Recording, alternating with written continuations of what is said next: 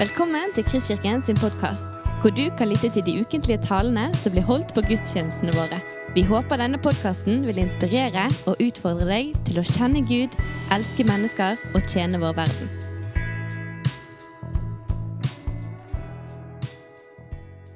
Filipperbrevet 3 i dag. Mange av dere er orientert om at det er dit vi setter kursen denne søndagen. Og Dere har kanskje hørt om disse to vennene før, som skulle ut på eh, en skitur. Og de bestemte seg for at eh, de skulle se hvem av de som eh, klarte å lage den retteste, den beineste linjen i snøen over det isbelagte vannet. Den første tenkte at det smarteste han kunne gjøre, var å holde skiene helt tett samlet ved siden av hverandre. Det vil jo nødvendigvis lage en rett linje og et beint spor. Så med full konsentrasjon så, så han eh, ned og eh, sørget for å holde beina og skiene så mye samlet som mulig. Og han staket seg bortover. Den andre festet blikket sitt på et konkret punkt på den andre siden av vannet og slapp ikke det punktet av syne idet han begynte sin ferd. Og han lot seg ikke friste til å senke blikket.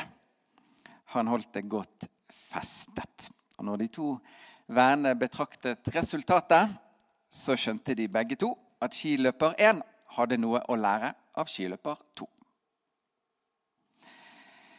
I hebreabrevet så brukes dette uttrykket 'å feste blikket'.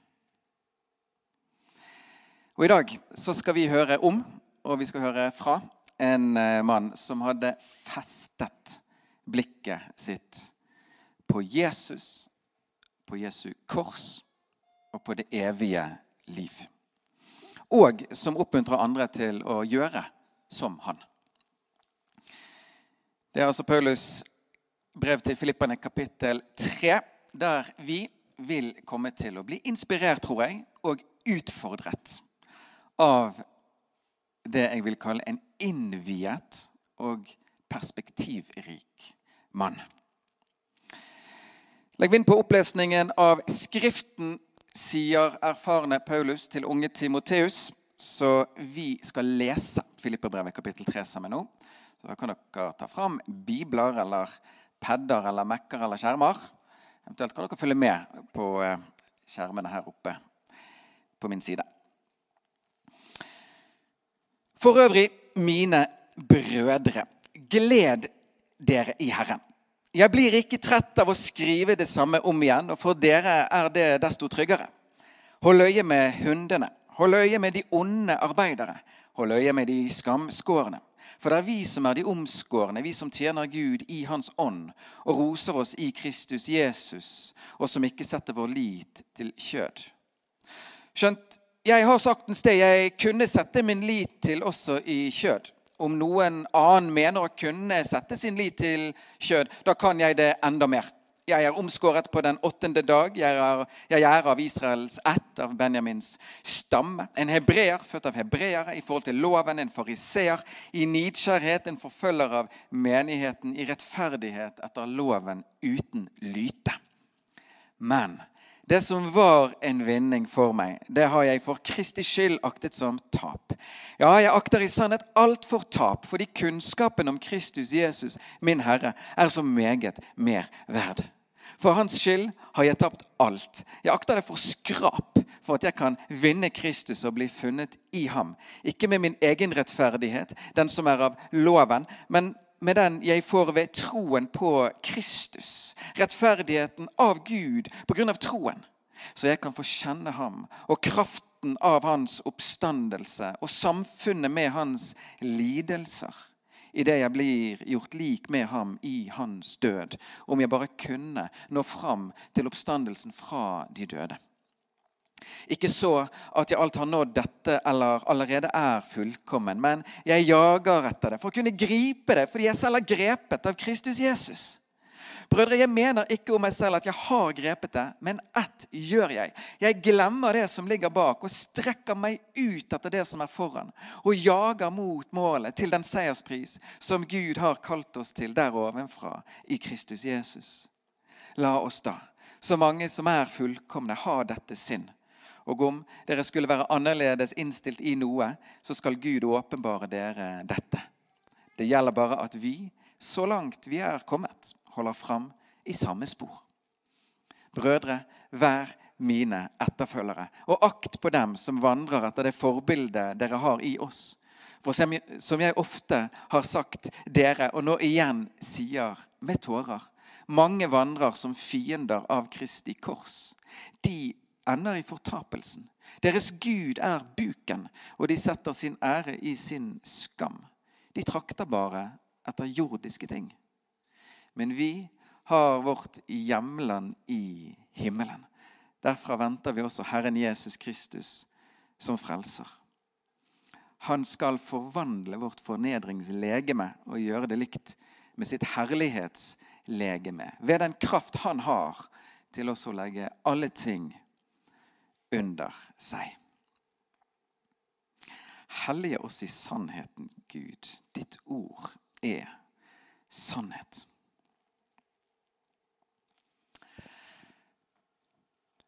Du, Paulus' eh, brev til de troende i Filippi er et personlig brev med tydelige trekk av det spontane. Bibeltolkeres ord om foranledningen til dette brevet vitner om det samme.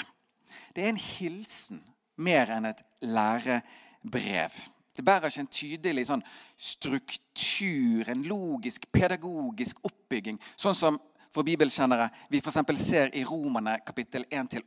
Det er en veldig tydelig lærende struktur. Paulus holder på å bygge opp noe. Men det som skjer her, er at Paulus mer liksom, å, skyter ut det som er han på hjertet. Og det gir oss i møte med Filippa-brevet òg en helt spesiell innsikt i Paulus' person. Men òg Paulus sin pasjon, hans motivasjon. For han deler sitt hjerte. Han trykker det ut. Og Avsnittene vi akkurat her har lest, er blant de mest offensive vi har i hele Nye testamentet. Vi kommer i kontakt med en mann som higer etter Jesus Kristus. En mann som hadde mye men som i møte med Jesus blir så grepet at alt annet i livet blir sekundært. For meg er livet Kristus, sier han i kapittel 1, litt tidligere i brevet. Og her i kapittel 3 så er det litt mer utlagt hvordan dette gir seg utslag i Paulus sitt eget liv. Og midt i det virvaret av skatter og rikdommer som eh, vi her settes på sporet av, og som strømmer opp i det vi leser sammen her, sånn, så skal vi være en sånn skiløper nummer én i dag. Som lytter inn noe fra skiløper to. Noe som har med blikk å gjøre. For denne Paulus hadde festet blikket sitt på Jesus. Han var som sagt en mann som hadde mye, eide mye, var mye. Vant til posisjoner. Men møtet med Jesus griper så dypt i han at alt han har av verdier, blir snudd på hodet. Det som var en vinning for meg, det har jeg for Kristi skyld aktet som tap. Ja, jeg akter i sannhet alt for tap, fordi kunnskapen om Kristus Jesus, min Herre, er så meget mer verd. For hans skyld har jeg tapt alt. Jeg akter det for skrap for at jeg kan vinne Kristus og bli funnet i Han. Så jeg kan få kjenne Han, osv. Litt enkelt bilde kanskje innledningsvis her, men det er som om vi hører en mann som har brukt livet sitt på å telle og eh, sortere 5, 10 og 20-kroninger i tro at dette er det ypperste som fins av verdier i myntenes og sedlenes verden. Og så en dag får han en bunke med tusenlapper i fanget. Dette beriker og ydmyker mannen på samme tid. hva var det jeg brukte livet på tidligere, egentlig? Jeg trodde jeg så, men jeg skjønner jo nå at jeg egentlig ikke gjorde det. Jeg trodde det første hadde verdi. Ja, det har jo for så vidt verdi. Men det er jo ingenting sammenlignet med det jeg nå er gitt. Det siste innkommende satt hele hans verdiforståelse i et nytt lys. Så er det gjerne sånn at Denne pengemetaforen det, den er kanskje litt grunn. Sant? Det sier noe om verdier. Men bare for å ta det et lite hakk videre, litt mer inn i en relasjonell verden Kanskje kan vi sette seg litt mer på sporet av dybdene her ved den opplevelse mange har idet man får sitt første barn. Tanker om hva som har verdi, endres. Her har jeg i grunn veldig mye vittige eksempler som jeg kunne dratt opp av hatten etter å ha betraktet kompiser de siste ti årene som har fått sitt første barn. Hallo! Det er så mye som blir annerledes. Alkohol, drikke meg full. Nei, nei, nei. nei. Ikke mer. Sene kvelder. Nei, jeg skal jo tidlig opp. Den lange, liksom, smale, flate bilen med herlig akselerasjon blir plutselig ikke så eh, betydningsfull lenger. For vi, vi, vi, må jo ha en stasjons, altså trygghet framfor akselerasjon. Det er til og med mye deiligere å, å sitte i, i bil med vedkommende når du er passasjer.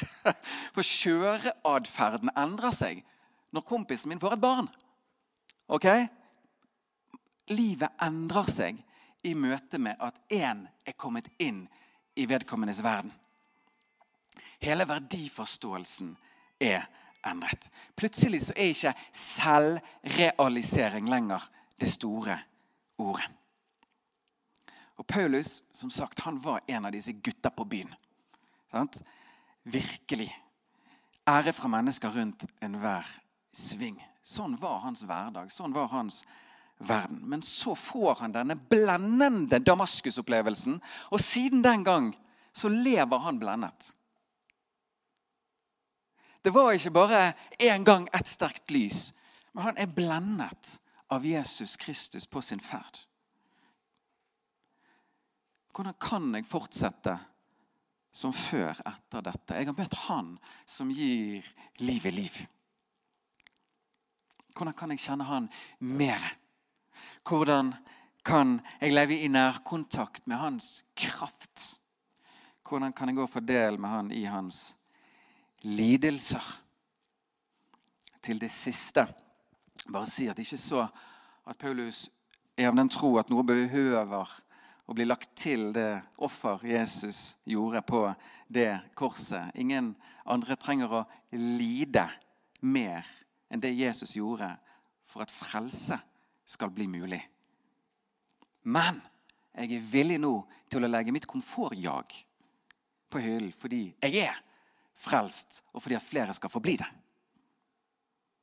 Sier Paulus. For meg er livet Kristus. Jeg higer etter, jeg jager etter, jeg strekker meg ut etter mer av Han. Og Ettersom jeg har lest litt om Paulus og i andre brev, så vet vi at denne ferden til Paulus har ikke vært snorrett. Akkurat. Mange fall, skjevheter og ubalanse. Og det er som om Paulus, når man kjenner personen litt, kunne ha uttrykt noe sånn som dette. At jeg har kommet ut av det mange ganger. Men jeg fortsetter. Jeg fortsetter å se på han. Jeg fortsetter å se fremover mot målet. Og Det ordet som slår inn her i kapittel 3, jeg glemmer det som ligger bak. Er litt spesielt, fordi det er dessverre også blitt ganske mye misbrukt i kristen veiledning og forkynnelse. Der det kan tas til orde for det som heller blir en type fornektelse eller fortrenging. Og Det er ikke av fortid, og det er ikke det Paulus taler om her. Altså Har du med ditt liv påført andre smerte, så skal man ikke bare gå videre. Gå til den du har gjort urett mot, sier Jesus, før ferden fortsetter. Gjør opp. Og jeg eh, tror vi også kan si at så fra fortiden det kan ofte prege vår nåtid så mye at det ikke lenger bare bør betegnes som fortid. Det er òg noe som er, gjelder nåtid. Behovet for indre helbredelse er ofte til stede for de av oss som har reist en stund. Men å glemme det som ligger bak, handler om dette å ikke la feiltrinn, egne feiltrinn skaper mismot på en sånn måte at man avslutter ferden eller beveger seg duknakket videre. Det handler om en raushet med seg sjøl. Akseptere sin tidligere umodenhet og uvitenhet. Og tillate seg sjøl et liv i nåde. Et liv i nåden. Der ikke denne tanken får vokse fram, som man dessverre gjør i mange liv. At jeg får ikke dette kristengreiene til. Som om det handlet om mestring. Og så er det akkurat som at Paulus løper til og sier det handler ikke om mestring. Det handler om mesteren. Han er min og vår frimodighet. Det er spesielt fordi at denne mannen som skriver dette, som vi setter så på sporet og får innsyn og innsikt i dette personlige brevet her, I et annet personlig brev til den unge Timoteus så skriver Paulus dette. Bare hør egentlig på hva denne mannen sier, hvor knekt han er. Hvor sønderknust han er over sin fortid. Jeg tror han mener det når han skriver til Timoteus at blant syndere på kloden så er nok han blant de aller største. Men, sier han, jeg fikk miskunn for at Jesus på meg først kunne vise hele sin langmodighet til et forbilde for andre troende. Er det rom for han, er det rom for meg og deg.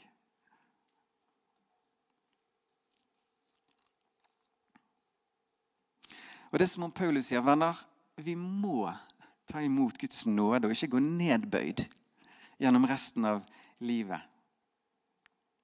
Ved Guds nåde kan vi, skal vi, få leve og vandre oppreist med løftet hode og festet blikk. Her har jeg bare lyst til å dytte inn en sak. Fordi at jeg syns det er så herlig, da. Nå er jo ikke jeg bare ung lenger. Jeg har rukket å bli 40 år og fått skjegg. Ja, men jeg føler meg fortsatt litt ung. Men det er fantastisk for en ung mann som meg de siste 25 årene bevisst, med et bevisst forhold til Jesus å kunne få følge eldre mennesker, godt voksne mennesker, som er både ydmyk og ivrig i sitt Jesusliv. Og her har vi Paulus òg, inn i akkurat dette. Han er etter hvert en godt voksen mann. Og ordet for at han liksom, Jeg strekker meg ut. Det er egentlig litt spesielt at denne liksom godt voksne mannen bruker akkurat det ordet. For på grunnteksten, Det ordet her brukes bare én gang i Nye Testamentet. Og det er en metafor, det er, eller det er et ord som er hentet fra idrettsarenaen. Der man løper, og så anstrenger man hver muskel og hver åre, hver nerve i kroppen for å nå det målet. Det er bare sånn jeg gir alt, sier denne godt voksne mannen. Jeg syns det er herlig. Det er fantastisk å få komme etter sånne forbilder. Som gir alt.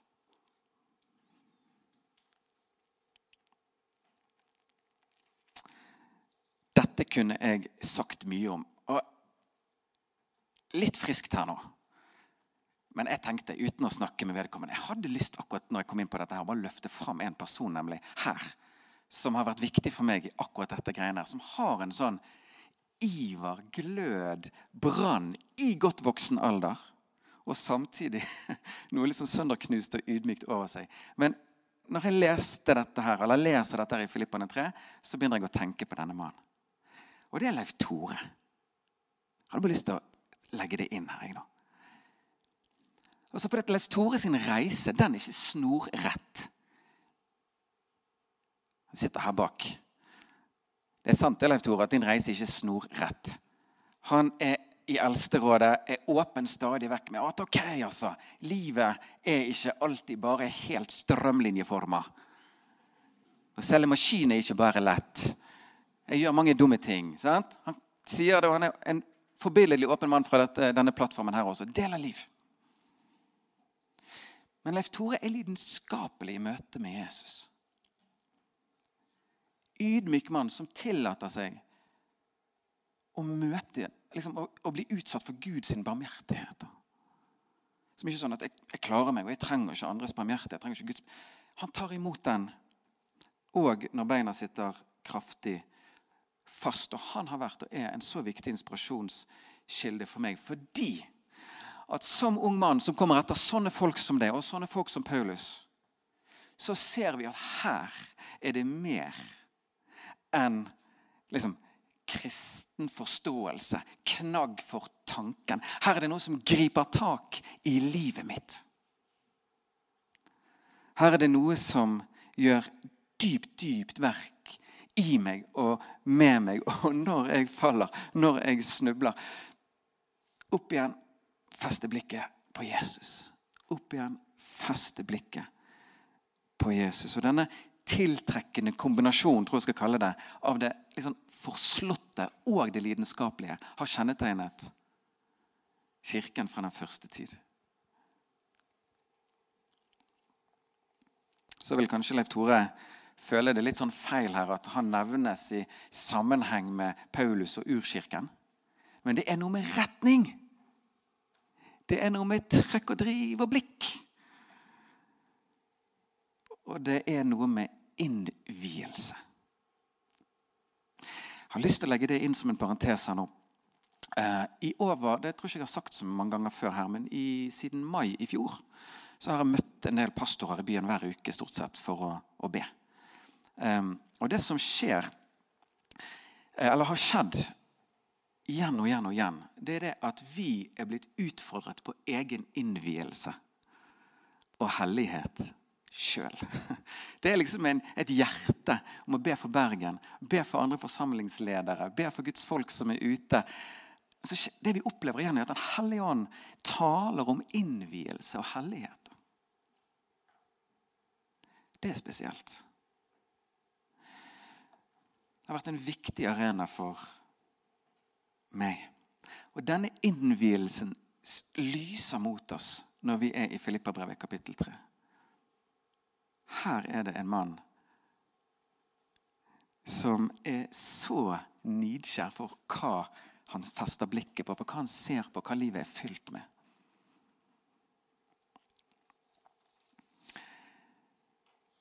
Nå sa jeg innledningsvis at Filippabrevet er ikke så veldig sånn systematisk oppbygget og strukturert. Men går du inn akkurat i det kapittelet vi, vi var gjennom nå, så finner du en ganske sånn fascinerende struktur. Det er liksom, Jeg hadde ditt og datt. Jeg lente meg til mine egne kvalifikasjoner. Men alt dette regner jeg for skrap nå, for at jeg kan få lære Jesus å kjenne enda dypere. Jeg higer, trakter etter mer av han i mitt liv. Og etter å ha delt fra livet sitt, så inspirerer han og utfordrer òg de som leser det han skriver. Vær mine etterfølgere. Dere har et forbilde her.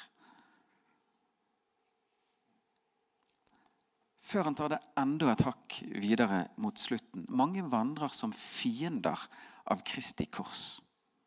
De er nær i fortapelsen. De er skudd i buken. De trakter bare etter jordiske ting.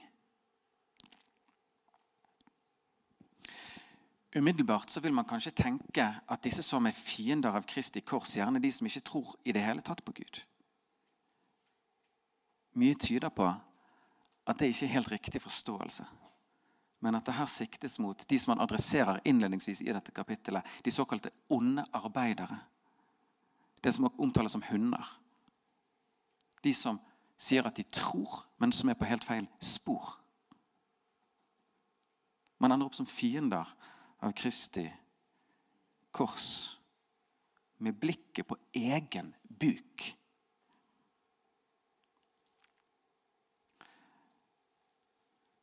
Og Dette her ordet, som jeg ikke helt husker hva var på gresk Koilia, eller noe sånt. Skal jeg si Et annet ord det brukes i Nytestamentet. Det er noe Jesus sier.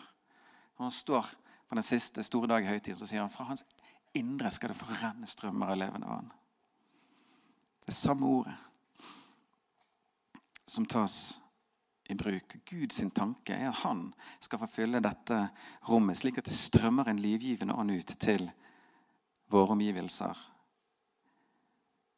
Men istedenfor i dette kapittelet så ser vi at Paulus adresserer et mønster der Gud ikke får være livets gud, men buken min, tomrommet i meg, ender opp som min Gud. Da blikket er vendt nedover, innover, ikke oppover, utover.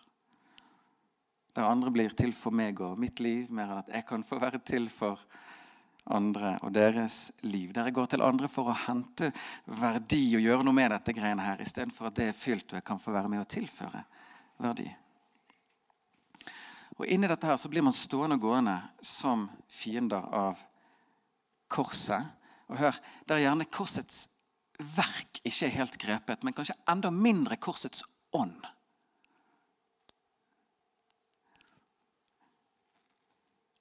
For ut fra dette korset, og det er her det blir så utfordrende, dette kapittelet, så strømmer det sånne ord som selvoppofrelse, selvfornektelse, mer enn selvrealisering.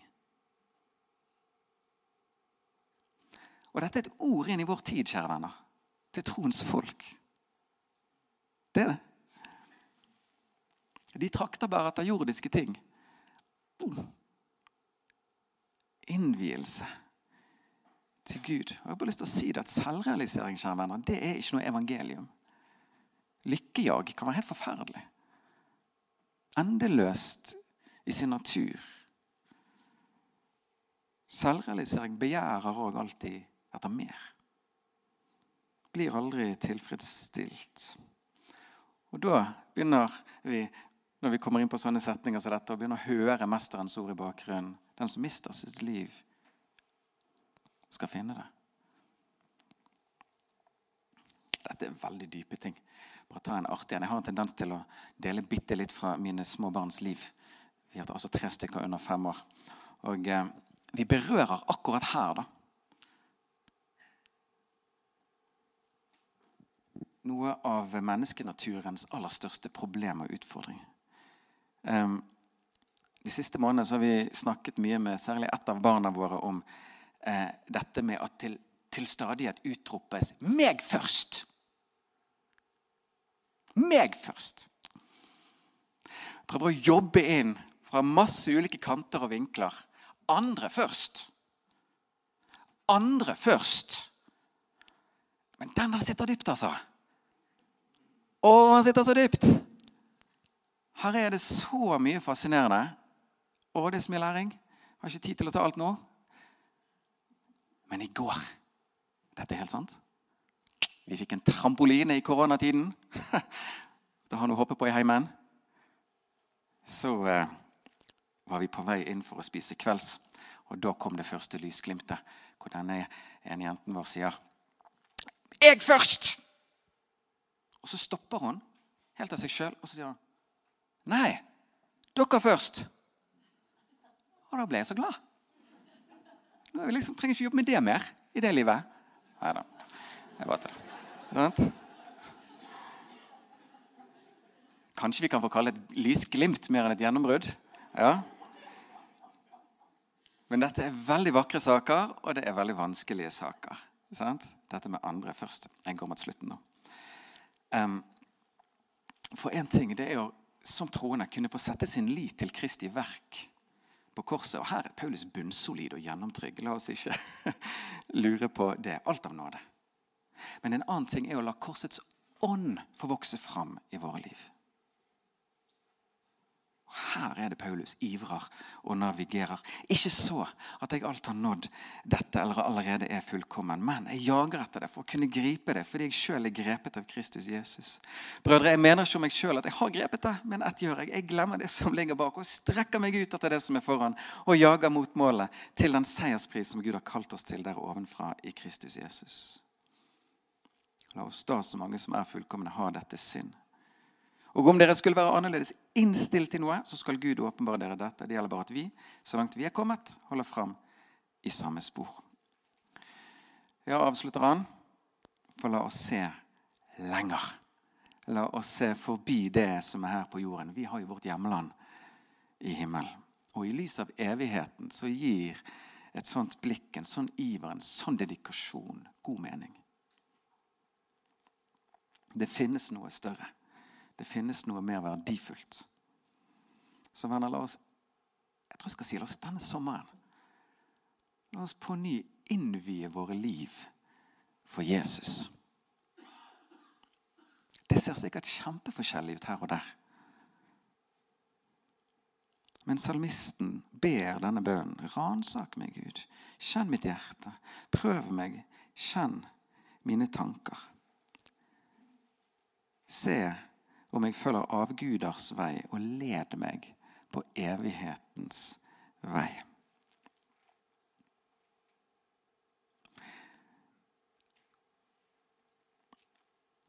Så la oss